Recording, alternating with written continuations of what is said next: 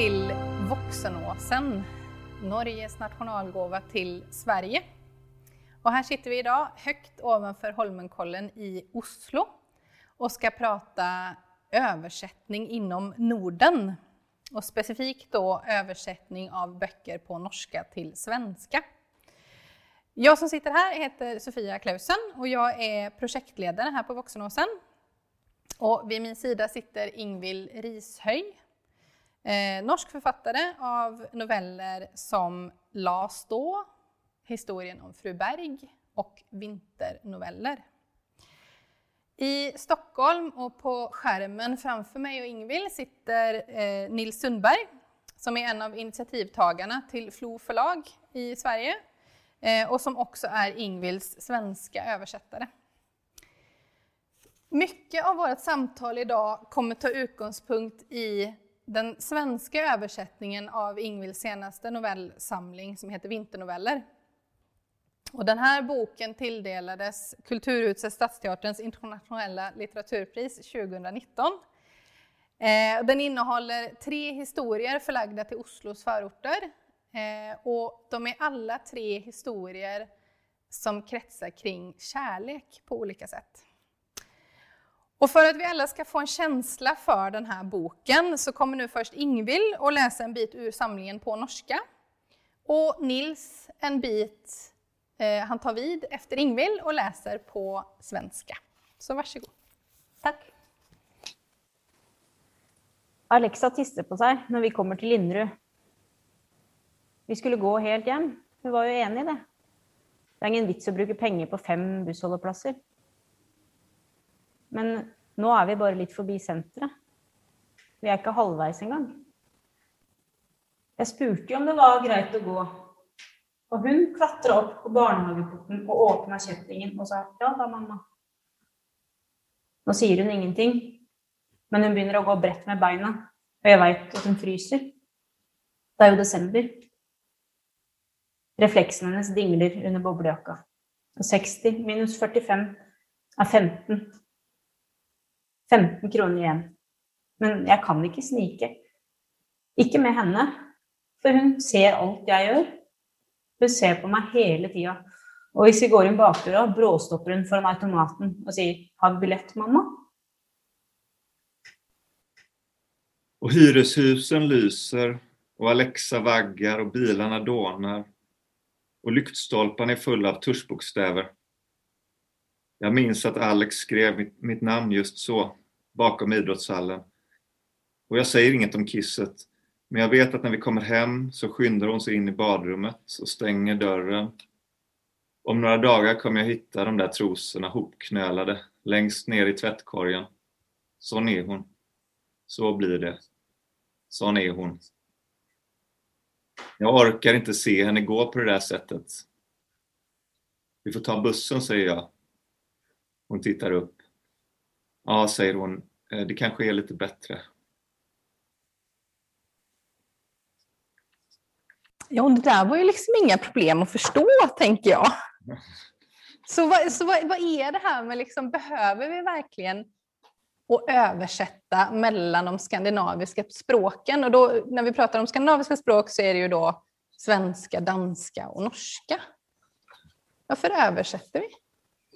Jag tror att ganska många förstår det mycket bättre muntligt än de förstår det skriftligt, eller i alla fall än de orkar att läsa för sin egen lystläsnings skull. Det är i alla fall det som eh, jag har erfart när jag har varit på olika uppläsningar i Sverige. Och i, för uh, boken var översatt till svensk så, så säger folk bara ja, men när kommer den på svensk? De säger det på svenska då. När kommer den på svenska? Ja, eller hur? Alltså det, Ja, vad tänkte du Nils? Nej, men jag tror verkligen att det finns en, en språklig tröskel.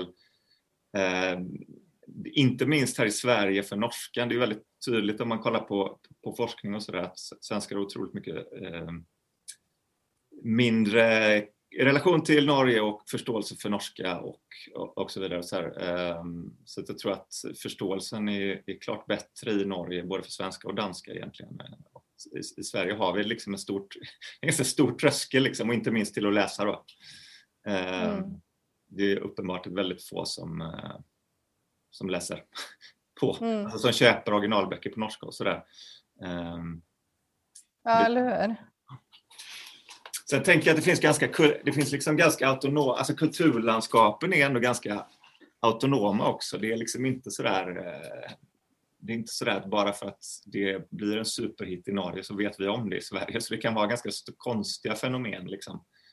Som med Vigdis Hjorth. Ja, och det är ju lite intressant också liksom, varför, varför det är så? Är vi liksom så avskärmade från varandra? Eller liksom vad... alltså, vi vet, eh, om det blir en superhit i Sverige så, så vet vi det. Men det tror jag är för att Norge har alltid varit Sveriges lillebror.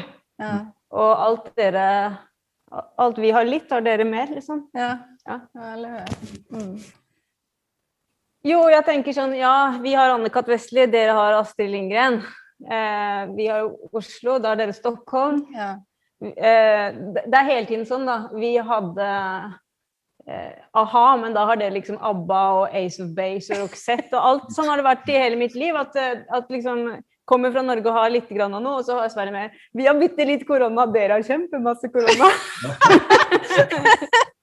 Sån är det. Exakt. Sån är hon. Sån är det. Ja. Eller hur?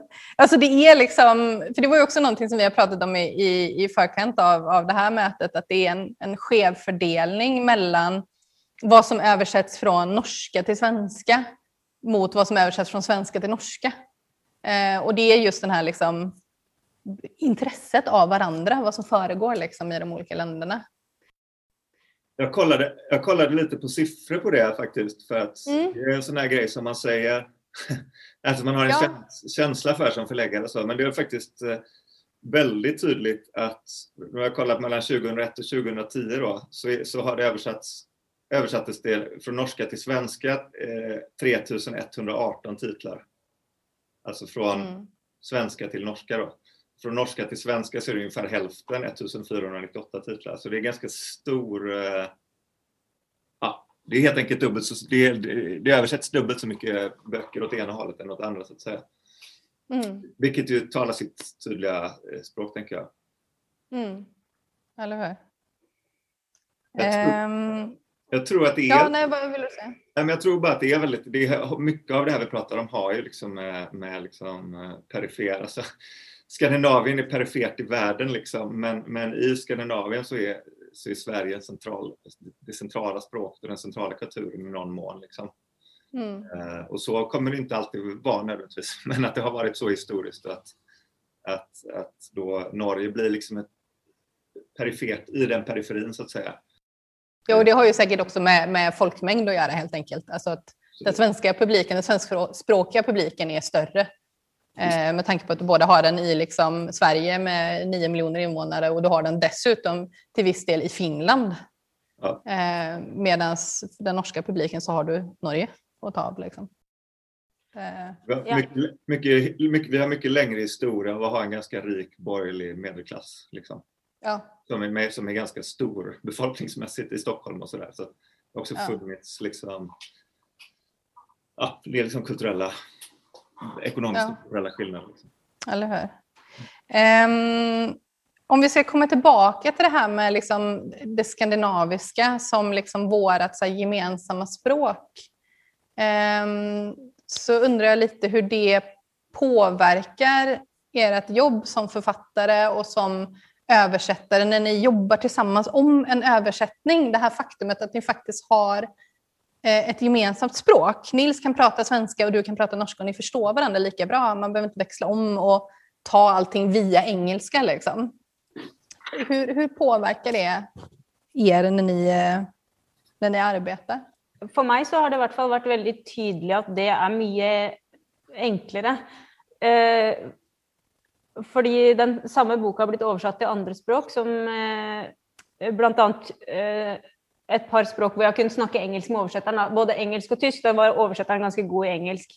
Og på uh, tysk så var det jo ingen av oss som hadde det som morsmål. Så hun klar, og jeg kan ikke tysk. Så hun klarer ikke forklare meg nyansene i det tyske med engelsk, som ikke er mitt morsmål. Mm. Og på engelsk så var det mer sånn Hun snakka kjempefort, og jeg ble sånn Oi. Jeg, da føler jeg meg veldig dum. Og så klarer jeg, da klarer ikke jeg å forklare heller på engelsk uh, nyansene i det norske. Um, så, sånn at når eh, når Nils begynte å oversette denne, så var det veldig tydelig fra, eller fra han begynte å stille spørsmål, da, at dette kom til å bli en helt annen type prosess. Mm. Hvor vi kunne snakke mye bedre sammen. Og først så tenkte jeg sånn Oi. Eh, for- fordi de andre tilfellene så har jeg til en viss grad bare tenkt ja, men gjør som dere vil, for jeg har ikke kontroll på det ferdige resultatet uansett. Mm. Mens eh, da Nils begynte å stille masse spørsmål, så, så hadde jeg litt den samme holdningen. Ja, men dette er din jobb, liksom, gjør det. Og så etter hvert så skjønte jeg oi, nei, men dette kommer til å bli skikkelig bra. Dette kommer til å bli en oversettelse som er eh, Etter hvert tenkte jeg bedre enn den norske. Fordi at han var så nøye og begynte å luke bort ting som ikke burde vært med i det norske i utgangspunktet også. Mm. Og da, da begynte jeg å svare litt eh, raskere på spørsmålene. Fordi at, fordi at ja, jeg trengte ikke ha den der følelsen av bare la det gå. Da. Jeg, jeg tenker at her kan jeg, ha, jeg kan lese dette resultatet og forstå det ordentlig. Så, så det var veldig gøy for meg. Ja. Mm. Och Nils, nu kom jag precis på en, en grej som jag har glömt att fråga dig om tidigare. Men översätter du från andra språk än norska också? Nej, jag har bara översatt från norska hittills. Du har översatt, för det hade gärna varit intressant liksom att se om du har, har suttit i bägge ändar. Liksom. Både översatt där du har ett gemensamt språk och översatt där ni inte har ett gemensamt. Liksom, om du kan liksom se eh, skillnader och likheter däremellan. Men då, då ska Ja, du slippa att få svara på det. Precis, nej men jag har inte, jag har inte varit eh, översättare särskilt länge utan vinternoveller var jag. har översatt eh, Tor Ulven också från norska då, som är en norsk Ja. ikon. Men annars var vinternoveller den andra boken jag översatt överhuvudtaget. Så jag är ju inte, jag har ju inte den här 20-åriga liksom erfarenheten av, av olika processer och sådär. Men, men det jag upplevde väldigt mycket med vår process var väl lite samma sak. Att den här, det jag kände går är att det går att vara väldigt noggrann. Liksom. Eh, och det har väl, ja, säkert på gott och ont, men liksom, jag berättade det förut för er att när jag eh, gjorde lite, alltså kolla tillbaks lite på våran process nu så hittade jag över 60 mail från dig Ingvild om, som bara hade med redigeringen att göra. Liksom. Och då var ju det, det var liksom mail, sen var det ju i dokumenten nästan allting kommenterades. Så att det, det är en enorm, liksom, det är ett, ett ganska stort material kring eh, som vi producerade i kommunikation Ja. vinternoveller. Vi fylte opp internett. Og så de mailene også, de var jo ikke sånn ett spørsmål, det var sånn ti Punkt 1, punkt 2, punkt 3. Sånn jeg husker det i hvert fall. Men det ble bra. Det ble veldig bra. Ja, eller hur? Men Ja. ja. och är det kanske också en spegling av då att, att du faktiskt inte har översatt i 20 år och tänker ja men då tar vi fram den här ritningen för hur man översätter en bok liksom, och så bara gör du det. Utan att du har mer sån eh, vad vet jag, organisk liksom, eh, tillvägagångssätt till översättning. Det finns ju massa, eh, absolut, det ligger ju väldigt mycket i det. Jag menar, jag har inte heller översättningen som en sån, ett, ja men det är inte min livs, det är inte mitt levebröd liksom. Och ska man, eh, Mm. ska man göra det med de lönerna som betalas nu så är det liksom, då får man ju ha ett, ett visst tempo om det ska vara möjligt liksom. Så det är ju också att det är ett konst, för mig är det mer ett konstnärligt, en, mer en konstnärlig verksamhet. Eh, sido, liksom, lite av en sidoverksamhet kan man säga egentligen. Som Ja. jag gör för att jag tycker att det är underbart liksom, att befinna mig i språk egentligen. Och för att Ja. jag Eh, älskar de böckerna som jag översätter. Så, att, så, att, så att där har jag ju ett stort privilegium, tänker jag, eh, att man har möjligheten att lägga så mycket tid på det. Liksom.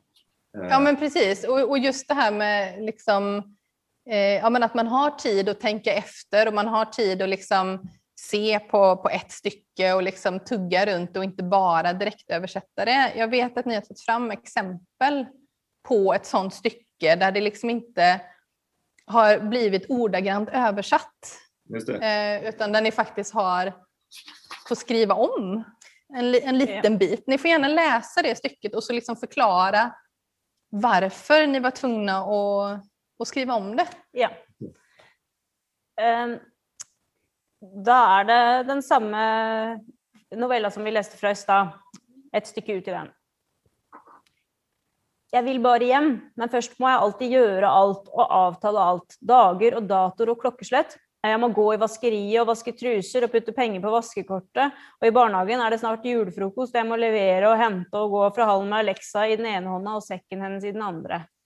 Ja, det er en del av en setning der. Og da, jeg, da Nils oversatte den, så jeg å få noen spørsmål, og det gjaldt vaskekortet. Fortell hva du lurte på, Nils. Jo, men det är, ju- då, är, då är det liksom, jag undrar vad det var för eh, vaskekort. Och, eh, det- fanns faktiskt eh, en tidigare översättning på den här novellen som vi utgick ifrån, som gjordes av Stephen Farrelly eh, till, till Granta. Och där hade han översatt det till att de skulle gå till tvättomaten. Inte för att lämna ut Steven här, men, men då är det liksom i Norge som jag förstår finns det ett tvättkort som man laddar på pengar på för att kunna eh, tvätta, eller hur? Det som jeg mente med å putte penger på vaskekortet, det er at man bor i et sånt, eh, en stor blokk, Mm. og så har man et fellesvas fellesvaskeri i kjelleren. De som ikke har eh, egen vaskemaskin hjemme, de har en fellesvaskeri i kjelleren. Det koster alltid penger Mm. i Norge. Da må man putte penger på vaskekortet eh, for, å, for å få betalt for vasken. Men hvordan er dette i Sverige? I Sverige är det alltid, det ingår, det är liksom alltid gratis i alla boligblock. eh, Eller i alla Det er folkehemmet. Ja. Ta deg av vasken, Ja. liksom. Och, så att, och, och tvättomater finns liksom men väldigt, väldigt lite så att i det här fallet så skulle hon ju definitivt inte göra det. Så att, så att då eh, ändrade vi ju till eh, att jag måste sätta upp mig på en tid i tvättstugan. Eh, Mm. Men då tappade vi det här med pengarna i sammanhanget som hon är ju pressad ekonomiskt här. Eh, Mm. och då kom du med förslaget att vi eh, skulle lägga till någonting senare i meningen som, som kostade pengar. Så då blev det, och jag måste sätta upp mig på en tid i tvättstugan. Och på förskolan är det snart lunch och alla måste ha med en rätt. Och jag måste hämta och lämna och gå från hallen med Alexa. Eh, Det vill säga då föreslog du att vi skulle lägga in att hon skulle ha med sig en mat, alltså en lunch eller en, mat, en maträtt då Mm. till, till, till skolan för att det skulle vara en, en ekonomisk belastning för familjen. Så att Mm. eh, det var ett, ett sånt eh, innehållsmässigt exempel när vi, eh, när vi fick eh, ändra helt enkelt. Ja. Og det kunne jo vært at jeg hadde sagt ja, men skriv ladda tvettkortet, da. Ja. Det kunne jeg jo sagt. Og så, men det er jo ikke noe poeng for meg at de svenske leserne skal sitte her og lure på hva det er som skjer. Mitt Nei. poeng er bare hun stresser for hun skal vaske klær, og hun stresser for hun har lite penger. Så hvordan skal vi få favna det i dette avsnittet? Ja. Eh, og, og da syns jeg det ble en veldig god løsning. Jeg tror det var du som fant den på, egentlig, Nils. Men, men eh, det er jo akkurat det som gjør at dette kan ikke Google Translate gjøre for meg. Nej, hur? han kan ikke finne på. Nej. Hen. Nej. Nej, precis. Alltså, du måste ha någon i, i, i andra änden som faktiskt eh, läser det här och som eh, liksom knådar om verket. Mm. Och vi, vi pratade lite om det inledningsvis också, det här som författare. ehm, hur lätt eller svårt är det då som till den tyska översättaren att bara säga varsågod, det här är min bok, bara översätt den. Nu har jag ingen kontroll över det här verket. Ha det. Ja. Är det liksom en process? Hur, hur tänker du runt det? Ja, det har vært en prosess. Den eh, boka som kom før denne, ble oversatt til noen språk, og da prøvde jeg å holde i det også på dansk, f.eks. Mm. Men da skjønte jeg jo også at det er veldig forskjellig hvor nøye oversettere er. Og Ja. hvis ikke jeg skal sitte og bli irritert, så må jeg, må jeg la det gå, stort sett. Sånn at den neste, den her, 'Vinternoveller', den lot jeg mye mer gå. Bortsett fra i, eh, i dette tilfellet her, f.eks., hvor jeg skjønte at det, her kunne jeg følge nøye med, da. Og ja, at det kunne bli riktig bra. Ja, eller hur? Men det er jo spesielt fordi at jeg har brukt så innmari mye tid på hver enkelt setning. Hadde det vært en støvsugermanual, liksom, Mm. som jo er det mange oversettere lever av å oversette, så det må jo også være riktig. Men jeg har brukt kjempemasse tid på hver enkelt setning. Og så hvis jeg vet at noen gjør det på luselønn, så kan de jo ikke gjøre det bra. Liksom. Og det er virkelig luselønn for oversettere. Mm. Eh, Så det er litt trist, men det er bedre enn ingenting, tenker jeg. Bedre at den Ja. blir oversatt, og at noen får lest den på tysk eller bulgarsk eller hvor. Ja, eller hur? Och, men, och har du läst, ja du sa på dansk har du läst Ja. den färdiga produkten, så att Ja. säga, det färdiga verket. Har du Ja. läst på andra språk också? Jeg har lest på engelsk. Ja. Eh, mm. Det er det. Ja, eller hur? Ja, för jag tänker precis det som du säger, att jag, jag vet ju det med dig att du är så här, eh, varje sättning betyder faktiskt någonting. Mm. Alltså det, den har blivit jobbat med, det är liksom inte bara skrivit ner en historia. Nej. Utan det ska liksom, ja, sättningarna är en del av den där historien. Liksom. Så just det här att ja, och översätta till ett annat språk, då går ju lite utav den, den eh, valutan liksom, i det språket förlorat eh, på ett eller annat sätt. Ja, det var det, något som vi också eh, en del gånger gjorde, som jag inte har exempel på, men jag husker att vi satt sådana og tenkte ok, men her må han gjøre om på Nils må gjøre om på den svenske versjonen. Og vi mister noe int i intensitet i, denne, mm. i dette avsnittet, f.eks. For eksempel, fordi at eh, eh, noe med svensken, det funka ikke. Ja. Men hva kan vi gjøre da senere i avsnittet for å få igjen den samme intensiteten på, i en annen setning, da? Ja. Uh, og det syns jeg vi gjorde, løste også fint mange ganger, da. Mm. Uh, for det, det ja. Att jag kunde säga till Nils, det viktigaste för mig med detta avsnitt är att hon verkar desperat. Fix det så. Ja, ja eller hur? Ja. det, um, jag, jag, tänker en sak ja. mycket när du pratar nu Ingvild, att det, eh, det handlar också, en väldigt lyxig grej med det här är ju att det handlar om som har att göra med din musikalitet på något sätt. Att du är så, eller din noggrannhet och musikalitet, att varje, det är liksom inte bara en innehålls, att, att, att varje mening betyder något, utan det är ju en, ett oerhört musikaliskt språk helt enkelt. Och, och där är det ju, eh, för mig var det helt, jag hade inte kunnat göra det, alltså det måste vara lika musikaliskt på svenska, annars så faller det helt, tycker jag. Liksom. Så, så att på något sätt är det väl mycket det, det jag har jobbat med, liksom, att, att hitta samma eh, samma musikalitet eller samma, samma flyt. Liksom. Och där känns det ju lyxigt att vi kan förstå varandra. För jag har ganska, men nu har inte jag något sätt klockrent exempel på det just nu, men, men att det, eh, min upplevelse att det var väldigt mycket så att jag läste din norska det norska originalet och så eh, var det väldigt musikaliskt. Så när jag översatte det så, så märkte jag själv att det inte blev det på alla ställen och då kunde jag fråga dig. Men det var också så att när du läste min översättning så upplevde du en icke-musikal, alltså att, att, det, att det diffar i små, små grejer liksom, att det, att det tappar flyt. Liksom. Det hade man inte kunnat göra om vi inte hade förstått varandras språk. Liksom. Så det blev en, ett samtal om intuitivitet och musikalitet. Uh, ja.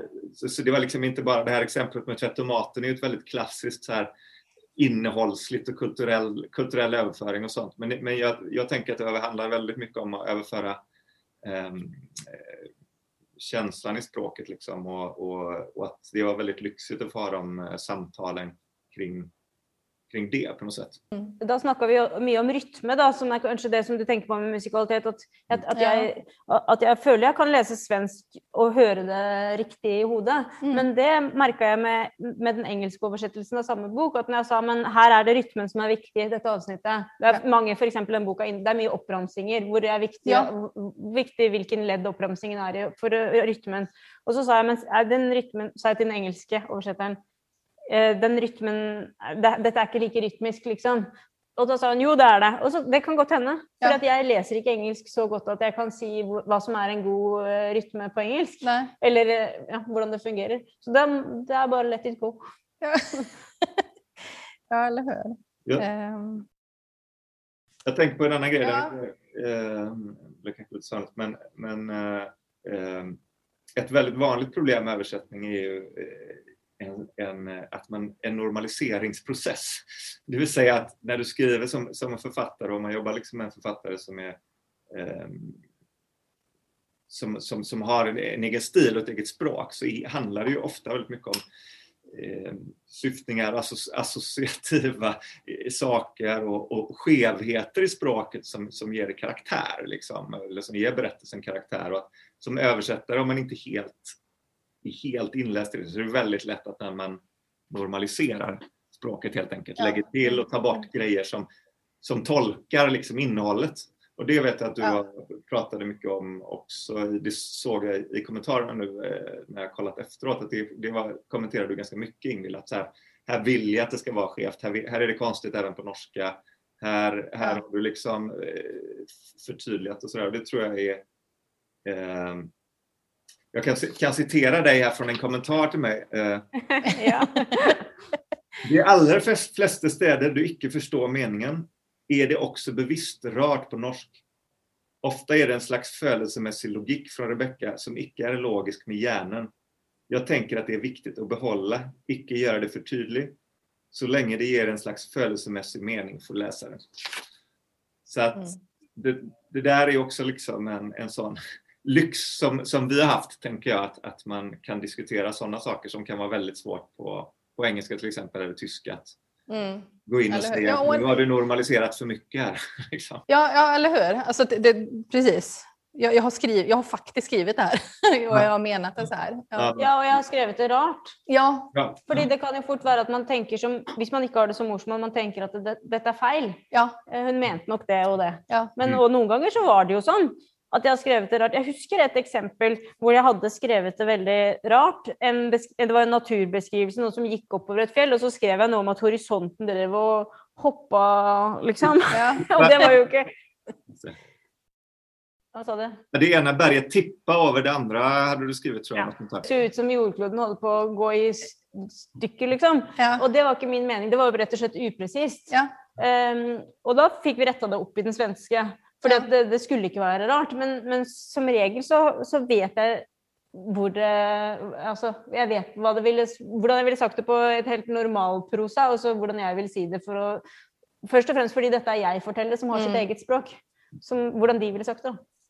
Ja, och, och sen tänker jag också, när vi, när vi pratar om det här så tänker jag på de författarna som skriver och använder sig av mycket liksom, slanguttryck.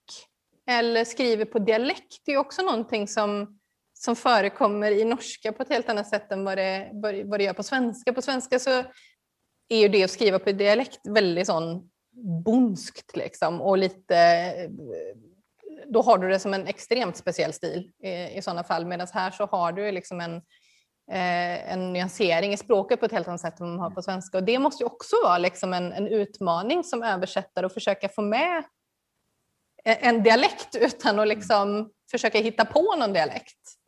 Ehm, men det är som sagt, jag, jag tror inte det förekommer så mycket liksom i dina böcker, att det kan ha varit något som ni har stött på. Nei, den her er jo skrevet mer på radikalt bokmål, og det Ja. har jo gått tapt for så vidt, fordi det finnes ikke tilsvarende på svensk. Men det er jeg egentlig litt glad for, fordi jeg er ikke så glad i radikalt bokmål. Ja, för då, och då kan vi ju liksom cirkla in lite på det här med vem, vem det är du skriver för och vem det är du översätter för, Nils. Alltså, har ni så här målgrupper i huvudet när ni skriver eller när ni översätter? Ehm, och är det någonting i sådana fall som, som kan blockera eller som hjälper er? Alltså, vad tänker ni om det? Jeg tenker eh, eh, veldig ofte bare på neste leser som jeg har, eh, Mm. som er f.eks. Uh, kjæresten min eller redaktøren eller det neste. Som, nå, det som jeg skriver på nå, da vet jeg nå er det markedsavdelingen som skal lese. Ja. Så da ser jeg bare for meg og tenker hva vil de si nå? Men jeg, jeg, ehm, jeg De fleste av disse leserne er jo gode. De ser hva som er bra og hva som er dårlig, liksom. Så derfor så Det er bare en sånn derre En sånn følelse jeg har at, eh, at Ja, det, da snakker de til meg og sier eh, Nei, men dette forstår jeg ikke, og så retter jeg. Ja. ja. Och du Nils, har du haft några så tankar när du har översatt? Liksom?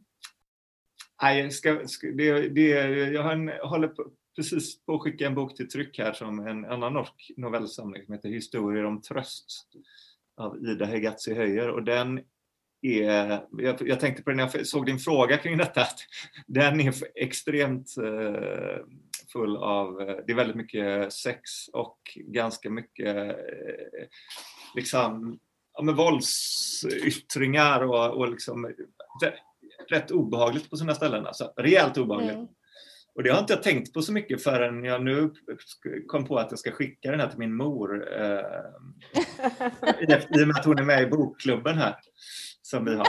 Så att, eh, det, då blev jag plötsligt väldigt medveten om min läsare. Men, men, nej, men, nej, men faktiskt inte. Det, jag tror att det är väldigt stor skillnad ändå som författare och översättare vad gäller det. Liksom, att, att man, Ja.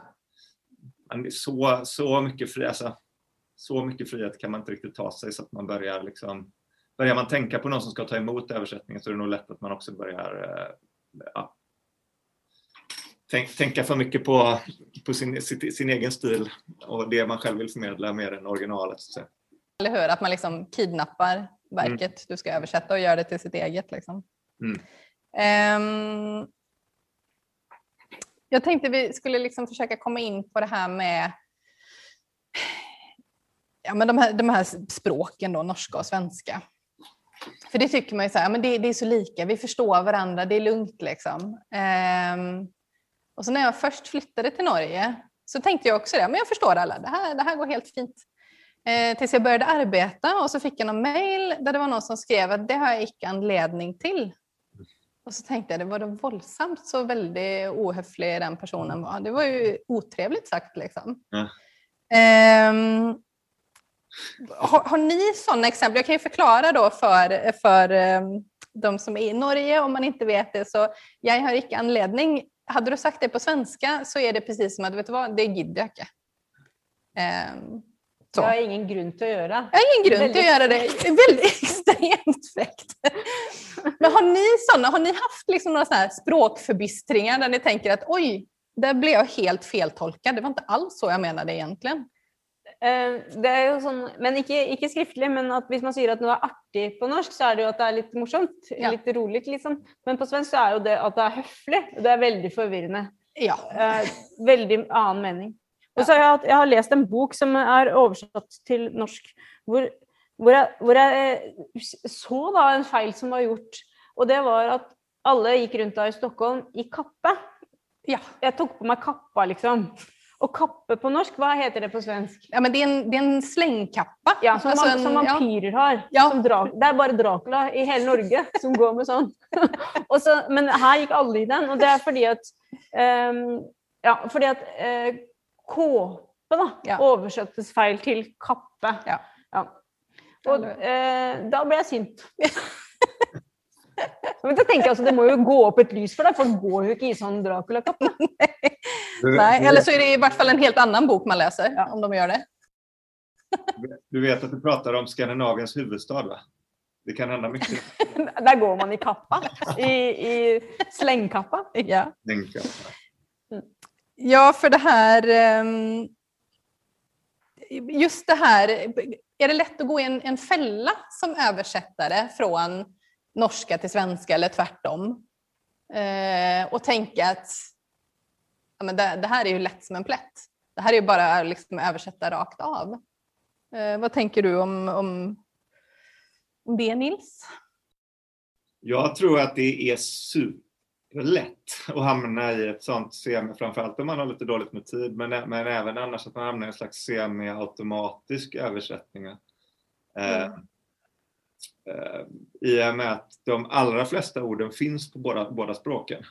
Liksom. Ja. Och meningsbyggnaden är ofta väldigt lik, kan skilja sig åt en del. Och så här. Eh, men till skillnad från, från om man översätter från andra språk. Liksom. Men, men eh, jag tänker att det kan finnas både så här språk kan, ord kan ha funnit, kan finnas på båda språken men har blivit väldigt arkaiserat på ett språk, det vill säga det känns väldigt gammaldags eh, eh, på ett språk och på, an, på, på ett annat, på det andra har det liksom fortsatt in i, modernitet, modernt språkbruk. Liksom. Eh, Ja.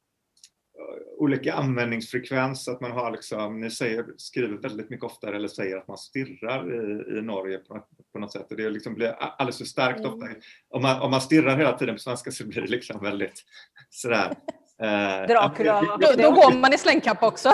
Ja, ja, men, liksom, precis, men vi säger ju att man stirrar och i vissa lägen så är det jävligt svårt att avgöra det där för att det kan vara sån, Ja. det hade du och jag Ingvild en diskussion om också, om det är det man är, stirra, liksom, stirrar man hela tiden på scenen i den här scenen, alltså i den här, eller, eller tittar man faktiskt bara på så här, för att stirra är ju väldigt så här liksom eh, tydligt på svenska liksom, men, men lite, lite mindre eh, starkt på norska liksom. Eh, Sen hade jag ett, ett exempel på det här som, eh, som jag plockade från, från vårt, eh, vårt arbete också. Som, eh, där jag kan eh, läsa lite kort bara. Ja. Där vi, jag och Ingvild har diskuterat smal och tunn. Eh, de adjektiven. Ja. Och då är det på norska. Väninnorna sang, vi dansade alene Eh, och det tordnade så golvet rista. Musiken gick av och på och kroppen hennes var smal och främmande och fin. Eh, men till slut blev DJn Lay. Och eh, då hade jag först översatt det till att, och det åskade så att golvet vibrerade, musiken slogs av och på och hennes kropp var, var smal och främmande och fin. Mm. Eh, från, från direkt, från direkt översatt smal då.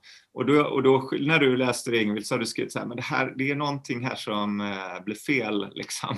Och, och, och, då är det att, att liksom, det blir smal, blir så att, att, att man säger, om man säger att en tjej är smal på svenska så blir det väldigt värderande liksom. Alltså hon är smal ja. och fin, då är det väldigt så här, åh, jag vill att hon ska vara, alltså det är liksom en värderande ord medan det egentligen ska vara mer beskrivande då och då säger vi kanske snarare att en tunn kropp liksom eller så. Mm. Um, så att uh, det här är också ett sådant exempel på, på en, på en liksom, um, ja, där det är väldigt, väldigt lätt att översätta till smal.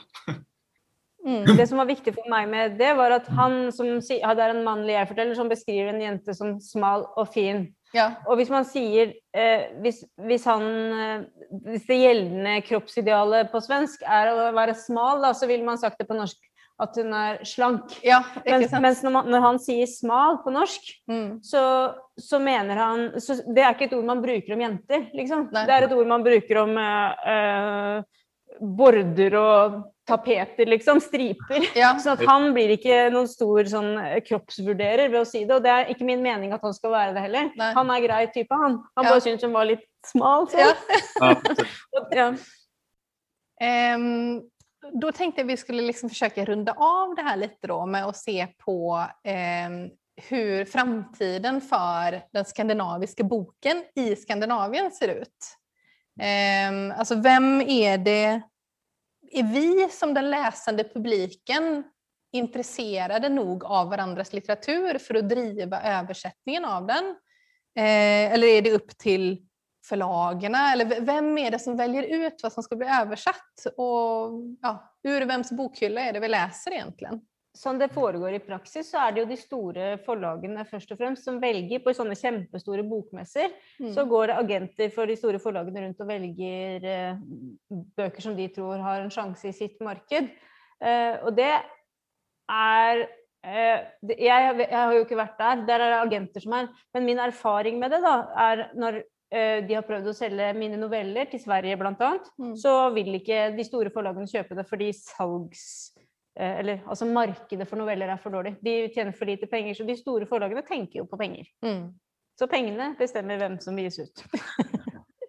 Hvor, men det, men Nils, ja. det är sanning, sanning, eh, en sanning men en sanning med modifikation. Jag skulle ändå vilja säga att det finns, och det har ju ändå ganska länge funnits en tycker man brukar prata om nodpersoner i det här sammanhanget. Alltså vissa människor som har haft, får väldigt stort inflytande för att man har en, eh, en kärlek till ett land eller har varit mycket någonstans eller sådär. Det finns en, en man som heter John Swedenmark som säkert många känner till, en isländsk översättare och han är ju någon slags pionjär för hela den isländska kulturen i Sverige och har introducerat liksom eh, ja, 30 författarskap, stora författarskap, isländska författarskap liksom under de senaste 30 åren i Sverige. Så han, och det är inte liksom ekonomiskt drivet eh, i grunden så att säga. Sen så är det väl vissa av de pengarna, böckerna som har gjort eh, pengar. Så där, men, där, men, det, men där finns väl en sån det finns det också en sån grej och där tänker jag att lite att våran story väl hamnar på något sätt att, att, att vi eh, gjorde vinternoveller ihop, att den ändå har fått väldigt mycket uppmärksamhet i Sverige, har fått pris och sålt bra och liksom är framförallt väldigt älskad liksom, mm. av uh, många. Så att, så att uh, där tänker jag att det, det tänker jag är ett exempel på att det verkligen behövs, att det verkligen finns en ljus uh, framtid för den skandinaviska boken i Skandinavien. Liksom. Um, för det har jag känt med, med vinternoveller har ju varit en sån eh, bah, succé, alltså på känslomässigt. Sen är vi så litet så det är liksom inte enorma försäljningssiffror men liksom rent känslomässigt och så här, hur den landar så känns det som en me megasuccé. Liksom. Mm. Men för mig så är det en eh, speciell upplevelse för att då, då Flo fick läsa vinternoveller og var et nystarta bitte lite forlag, så hadde allerede mange store svenske forlag lest og takka nei. Og ett stort svensk forlag sto, sto sånn på kanskje, og jeg fikk tilbakemelding ja, nå kanskje litt mer. En ny konsulent til, ja, kanskje litt mindre. Liksom, ja. det var sånn. Eh, og det er jo de som egentlig har råd til å ta et stort tap. da. Mens at et lite ja. forlag som ikke har noen penger, som har, de har lageret under senga, liksom, ja. og pappaen eh, står for design. Og da, og da tenker jeg liksom at eh, eh at, at, at, de, at, det er de som gjør det. Og jeg tenker at mye av framtiden til å gjøre sånne ting som ikke er sånn åpenbare store suksesser, da, er eh, overlatt till de små. Ja, så det, för att få fram liksom de här pärlorna som annars hade liksom flugit under radarn så behövs det att bli översatt, även om det är på ett språk som vi tror att vi alla kan och att vi alla förstår. Och det tänker jag, det, det kanske kan få runda av lite det samtalet som vi haft här idag. Ehm, så jag ska tacka Ingvild och tacka Nils för att ni blev med hit upp på Voxenåsen. Ehm, och så ska ni få avsluta med att läsa lite vidare ur vinternoveller. Då först Ingvild på norska och Nils som tar vid på svenska. Vi snur. Centret skinner. De har pynta det med ljus på kryss och tvärs. Det ska föreställa en gave. Då tar Alexa handen med och stoppar. En gud står föran oss. Han smiler. Vi är kanske lika gamla. Han är pen. Han håller en pappkopp i handen. Kunde det ha hjälpt mig med några småpengar, säger han. Fingrarna hans är hovna. Alexa klämmer handen mi. Hon syns så synd på alle. Altfor. Som de der sjuke greiene med dokkene når hun blir helt gal etter at alle må ha dyna opp til haka. De ligger der i fotenden av senga hennes, og hun setter seg opp 20 ganger hver kveld for å sjekke at det er rettferdig. Hun må bli annerledes. Hun må bli mer sånn som meg. Dessverre, sier jeg og begynner å gå. Hans joggingbyxor är smutsiga längst ner och jag ser på Alexas ben. Hon rör sig så stelt och konstigt. Så går det. Så går det. Jag minns alla de där tjejerna med kryss i kalendern och dagen efter-piller i plånboken. Så går det när man inte är som dem. Där är busshållplatsen. Vi har väl något i frysen, vi får väl bara klara oss. Hon kan inte gå på det där sättet hem. Nu tittar hon upp. Mamma, säger hon. Varför det? Varför vad? frågar jag, säger jag.